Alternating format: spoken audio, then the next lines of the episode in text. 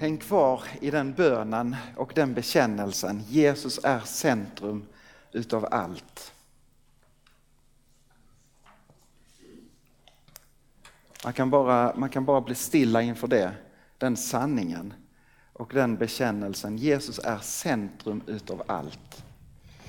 Eh, idag så ska vi ju få fortsätta på den här resan som vi har varit uppe i några veckor, Böckernas bok. Och eh, i det så har vi också påmint oss om och om igen att Jesus är centrum genom Bibelns berättelse och faktiskt också i förlängningen i allt. Jesus är centrum i allt.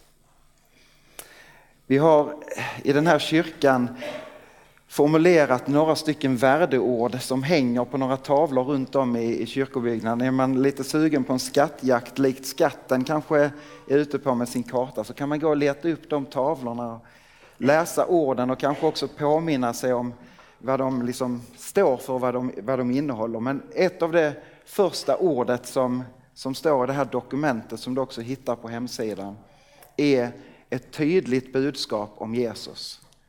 Vi vill vara en kyrka som har ett tydligt budskap om Jesus. Och i det så ligger också detta att Bibelns ord, Guds ord, är oerhört väsentligt. Bibeln, Guds ord som är kyrkans liksom absolut tydligaste bekännelseskrift. Och där i det ordet som vi också får på något sätt spegla våra liv och spegla våra sammanhang, får lära känna Gud men också få lära känna oss i förhållande till honom på olika sätt. Att Bibeln är en, eh, liksom, eh, som en grund för kyrkan eh, gör sig påmint också i det här kyrkorummet faktiskt.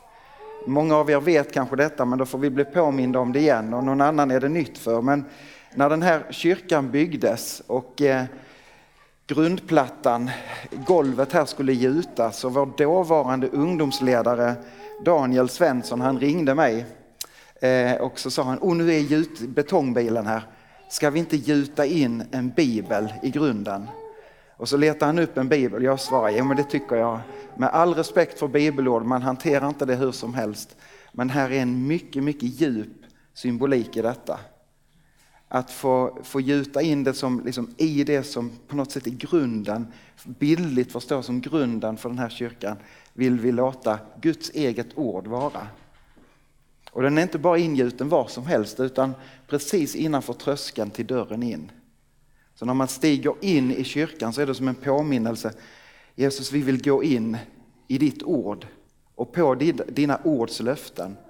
Men det är inte bara på väg in i kyrkan, också på väg ut ur kyrkan i form av byggnaden. Där vi får fortsätta ut att vara kyrka var helst vi befinner oss varje dag. Där du får återspegla Guds hjärta i dina sammanhang. Och det är liksom på något sätt, Jesus när jag går härifrån när vi har firat vår gudstjänst så vill jag gå ut med ditt ord. Så låt den där tröskeln vara en påminnelse om Guds ord och att Jesus är i centrum i det. Amen till det. Tänk att det var ändå en som höll med. nej, det är ändå bra tycker jag. Eh, nej, jag vet att det är fler som håller med. Man kan ge uttryck för det på många olika sätt.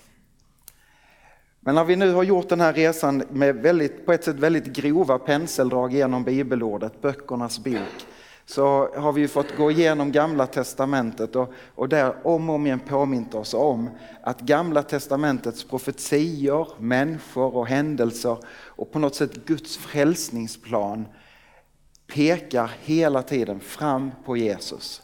Jesus är i centrum genom hela gamla testamentets berättelse. Och så fick vi förra söndagen stanna upp inför evangelierna, det som tydligt talar om Jesu liv och verksamhet. På något sätt det som blir också det centrala, centrala i Bibelns berättelse. Också apostlagärningarna som Karl också berörde som en del av liksom fortsättningen av Jesu liv och verksamhet. Hur människors liv blev förvandlade i mötet med honom, med den uppståndne och hur kyrkan liksom började sätta, sätta sina första liksom, avtryck i, i vår värld.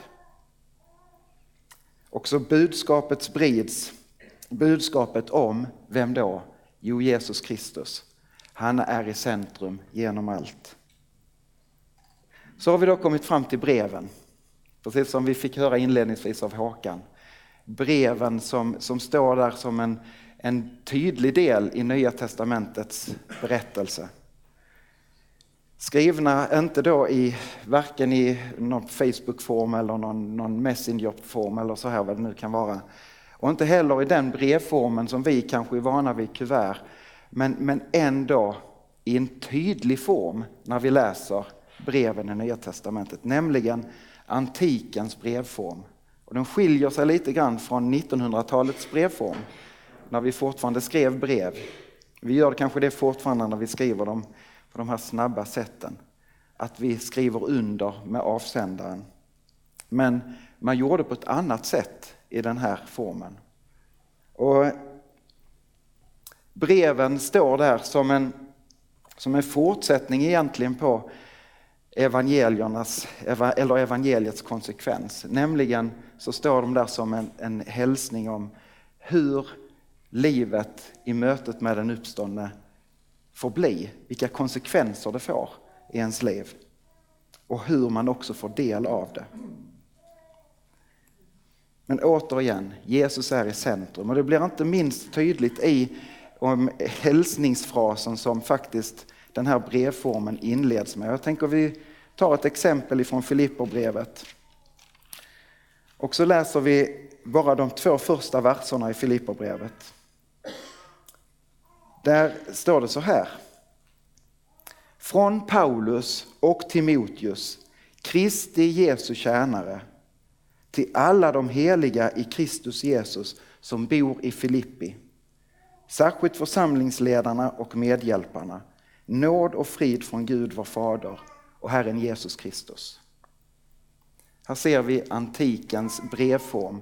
Man börjar med att skriva vem som är avsändaren och till vem det är och sen kommer ärendet i brevet fortsatt fram. Och här ser vi redan i hälsningsfrasen att Jesus är centrum i allt.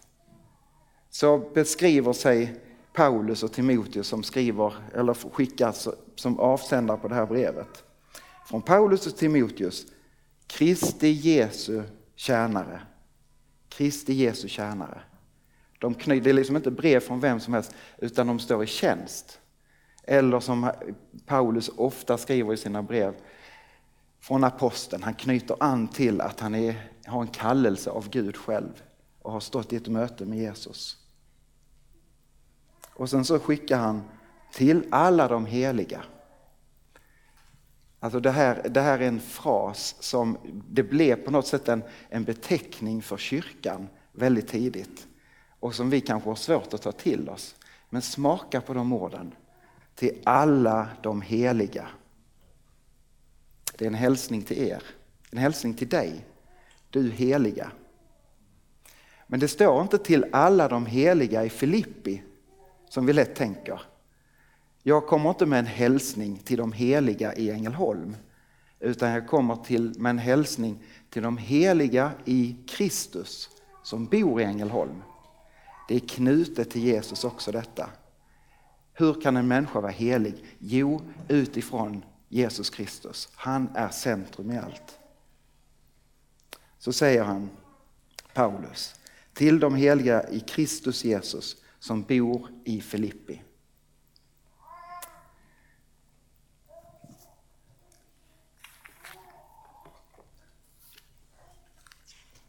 Så har vi då i Nya Testamentet ett gäng brev.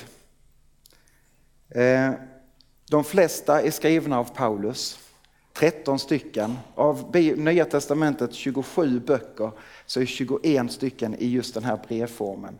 Skrivna antingen till en specifik person eller som ett rundbrev till, till ett område där det skulle skickas runt till olika husförsamlingar eller olika församlingar i en region. Och sen så är det också ytterligare några skribenter. Petrus, Johannes, Jakob och Judas. Och sen så har vi Hebreerbrevet som vi inte riktigt vet vem som har skrivit. Det liksom råder liksom olika tankar. Vem kan ha skrivit detta? Hebreerbrevet har sin likhet med Paulus brev, men där är också för stora olikheter för att man tydligt ska kunna säga det här är skrivet av Paulus. Origenes, en av våra tidiga kyrkofäder, landar så småningom att det är bara Gud som vet vem, Hebre, vem som har skrivit Hebreerbrevet. Men kan vara ganska säkra på att det är någon som har levt väldigt, väldigt nära Paulus. Kanske Barnabas, för det har så tydliga paulinska drag. Men det är någon annan som tycks ha skrivit det. Och det här är ju också en, vad ska säga, en distinktion för att det ska få räknas som den heliga skriften. När liksom kyrkan bestämde att här ska vi liksom samla Nya testamentets skrifter så var det tre kriterier som skulle uppfyllas. Det första var att de skulle ha en apostolisk förankring. Antingen skulle det vara någon som hade stått i direkt kontakt med Jesus, alltså någon av apostlarna som antingen skulle ha skrivit det eller någon som hade haft en direkt anknytning till apostlarna. Det fick inte gå i fler led. Det var e- en av kriterierna. En annan av kriterierna var att det skulle vara allmänt accepterat av hela kyrkan.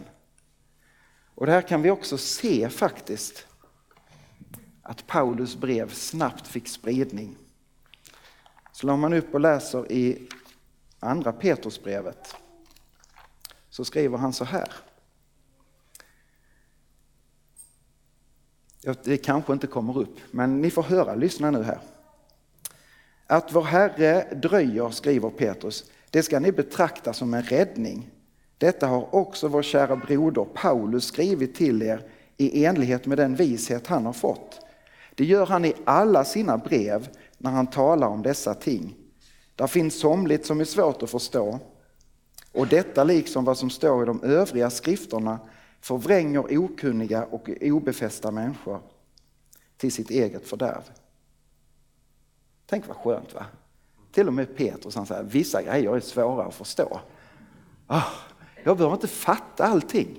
Jag är i gott sällskap med Petrus och med många som läste Paulus brev. Men han är väldigt snar också att jämställa Paulus brev med skrifterna. Alltså han ger också de här breven som är i omlopp och på något sätt snabbt har blivit allmänt kända i hela kyrkan eh, som heliga skrifter. Paulus själv skriver ju att, att Guds ord är inspirerat av den heliga Ande.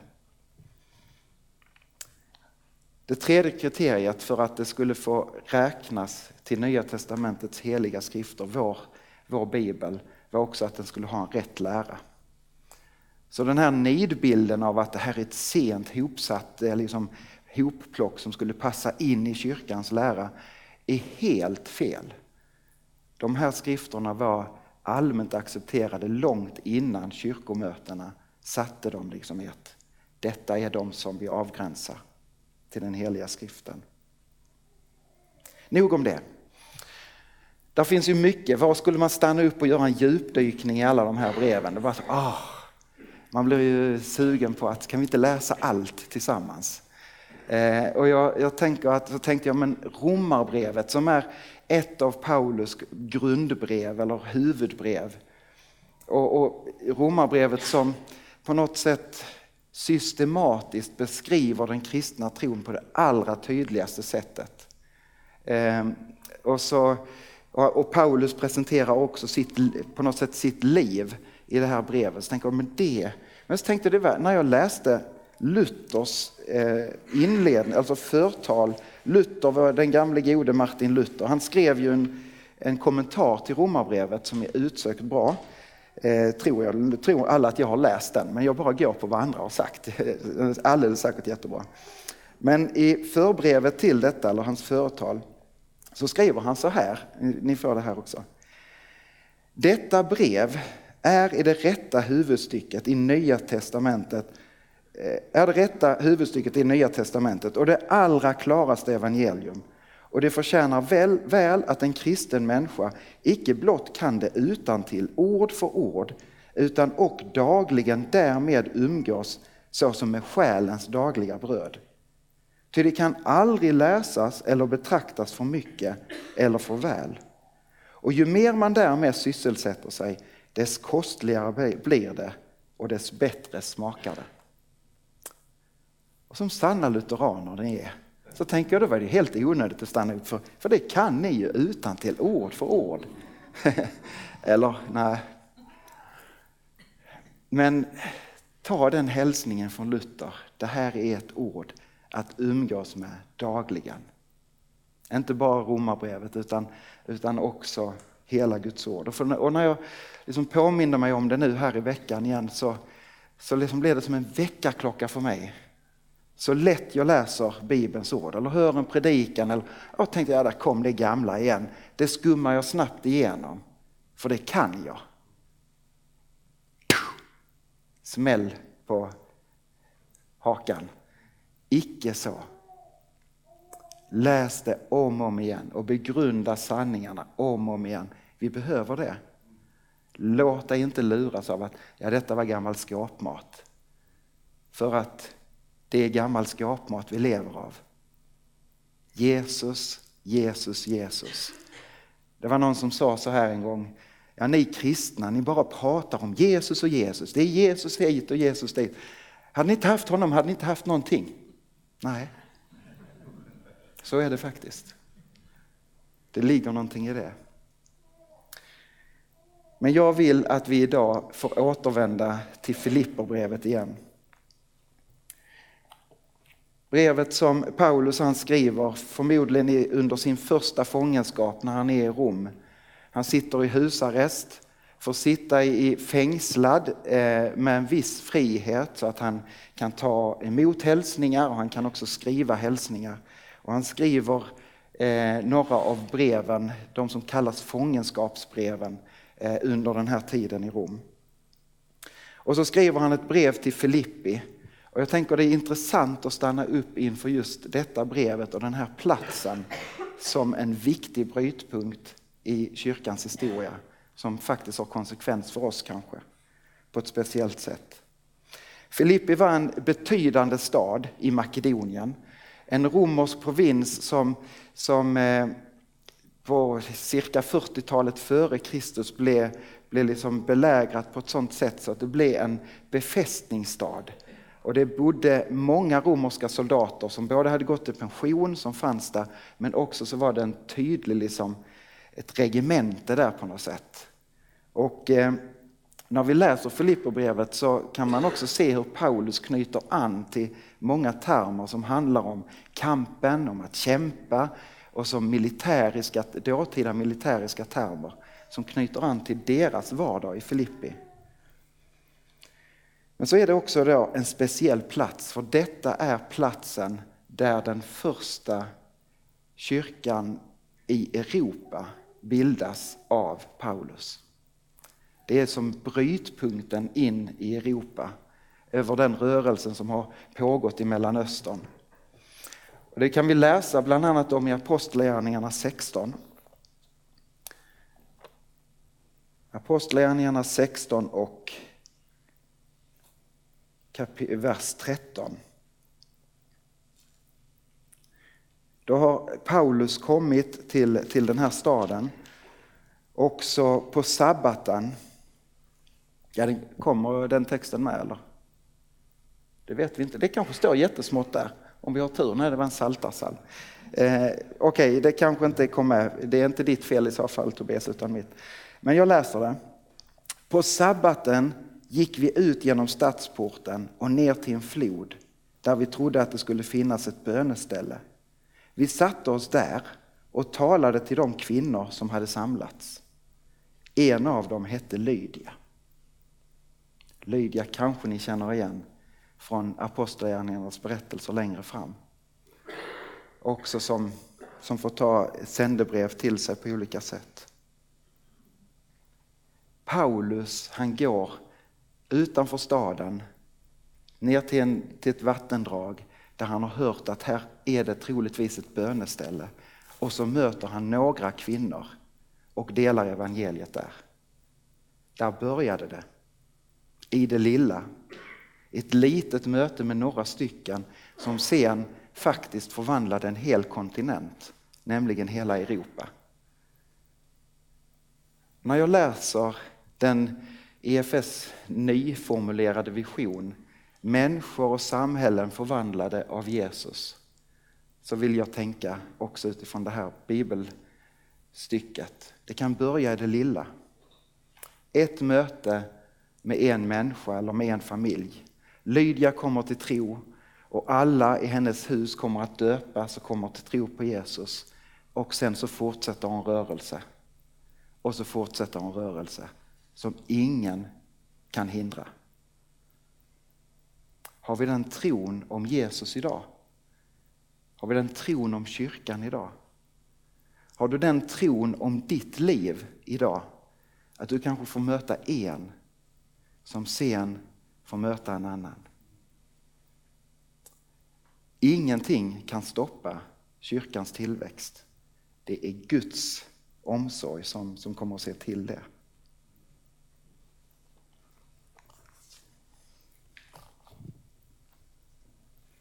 Okej, vi har inte kommit riktigt dit vi ska än, men vi är på god väg.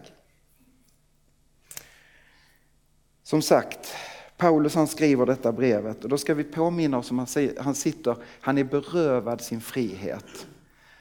Sitter fängslad och så skriver han ett brev som har kommit att kallas glädjens brev. Glädje återkommer om och om igen. Och han skriver detta dels för att tacka för en gåva som han tydligen har fått ifrån församlingen i Filippo. Han berättar om sin nuvarande situation och sen så uppmuntrar han till glädje i Herren.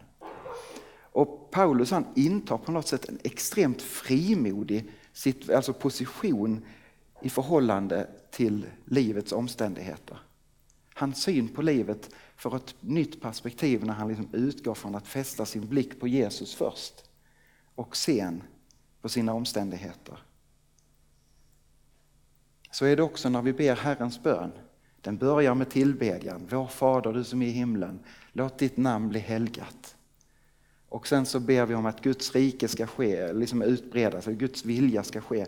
Sen kommer fokuset, förlåt oss våra synder. Det är ganska långt fram. Vi behöver inte börja liksom i våra, vår problematik, så är det så lätt att vi stannar där och fastnar där. Och Paulus han säger, gör på ett annat sätt. Gläd er Herren. Absolut med full respekt för att livet ibland kan slå så hårt mot oss att vi har svårt att liksom få perspektivet. Och man får lov att liksom stanna i sin sorg och sin smärta och uttrycka den inför Gud. Men så är det som att vi behöver varandra till att påminna oss, lyft blicken. Gud har omsorg också i det svåra. Paulus han sitter fängslad och han uttrycker ändå så här i sitt brev till församlingen. I Filipperbrevet 4 och 4.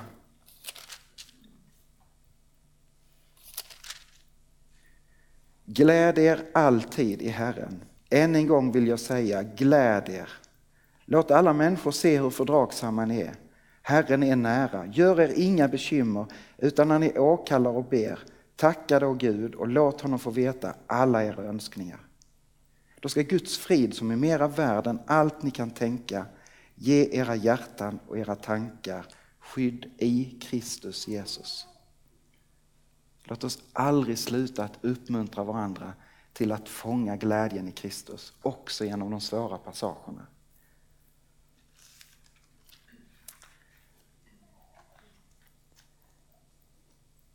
Men det som jag egentligen vill att vi ska få läsa också tillsammans, det är en liten längre passage i, i kapitel 3.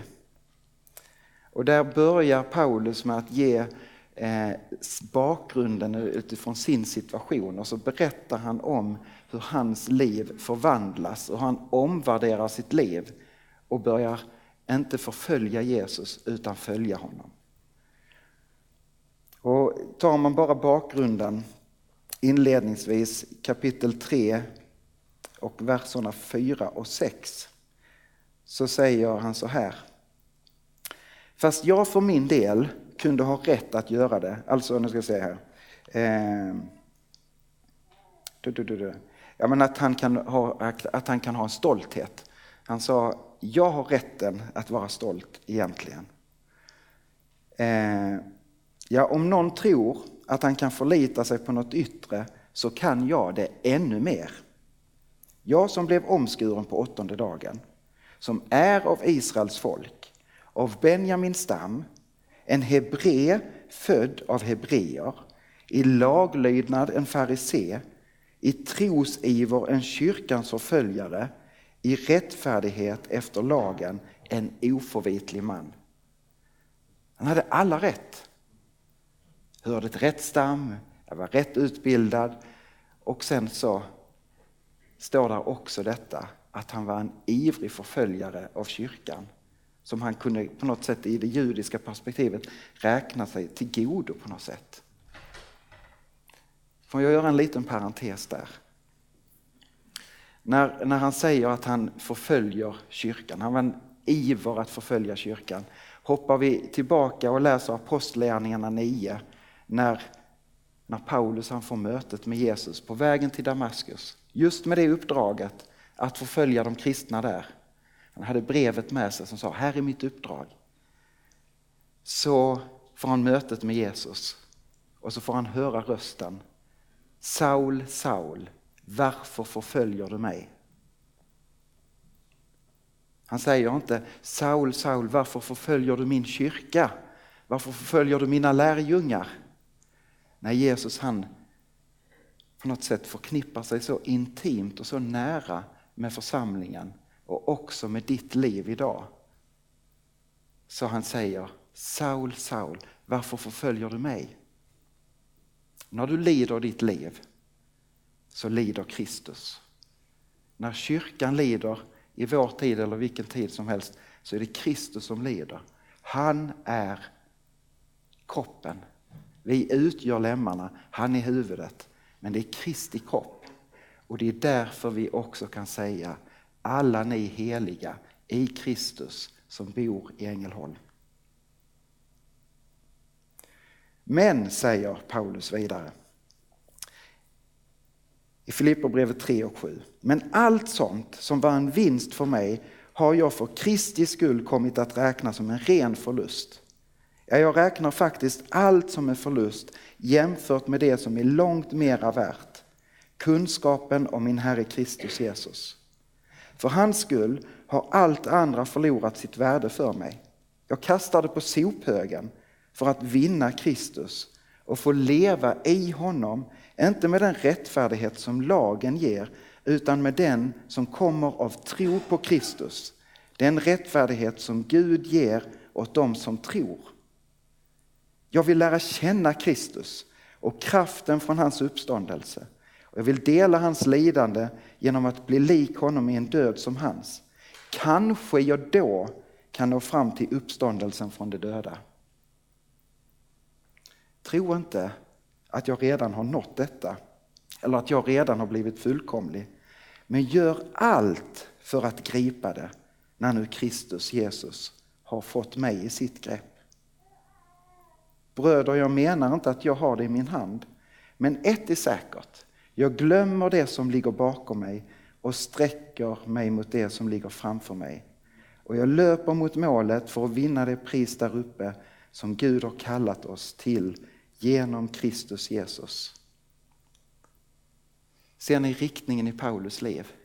Han har en iver efter mer. Han som fick höra Jesu röst och möta Jesus på ett sådant sätt så vi faktiskt ger honom apostolisk auktoritet.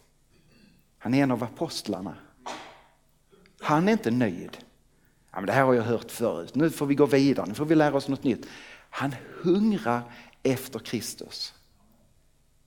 För han vet att Kristus har fått mig i sitt grepp. Jag vill ha mer. Jag vill ha mer av honom. Jag är inte färdig.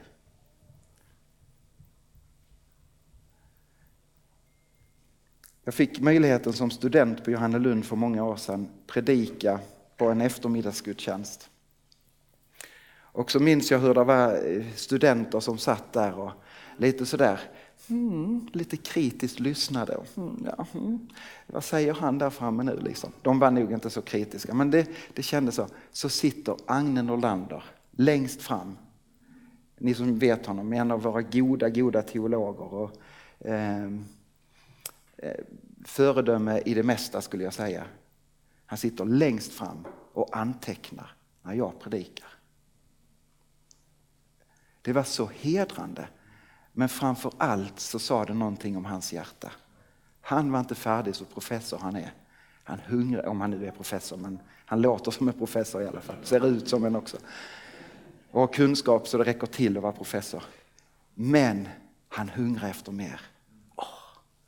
Guds ord. Låt mig, ge mig mer mat. Har vi den hungern?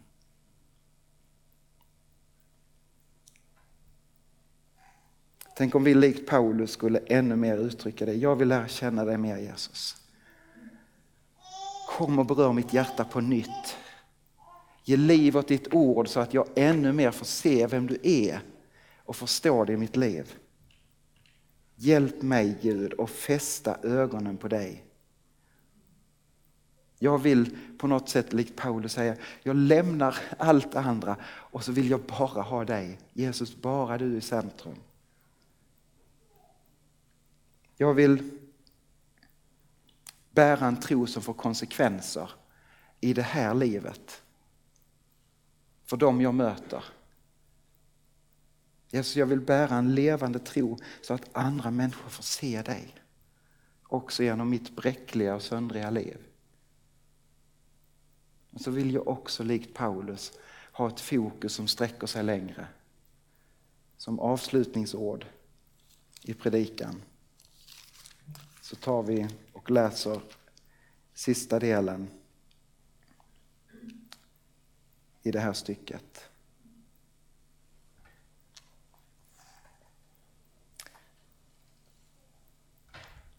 Vårt hemland är himlen och därifrån väntar vi också den som ska rädda oss, Herren Jesus Kristus. Han ska förvandla den kropp som vi har i vår ringhet så att den blir lik den kropp han har i sin härlighet. Ty han har kraft att lägga allt under sig.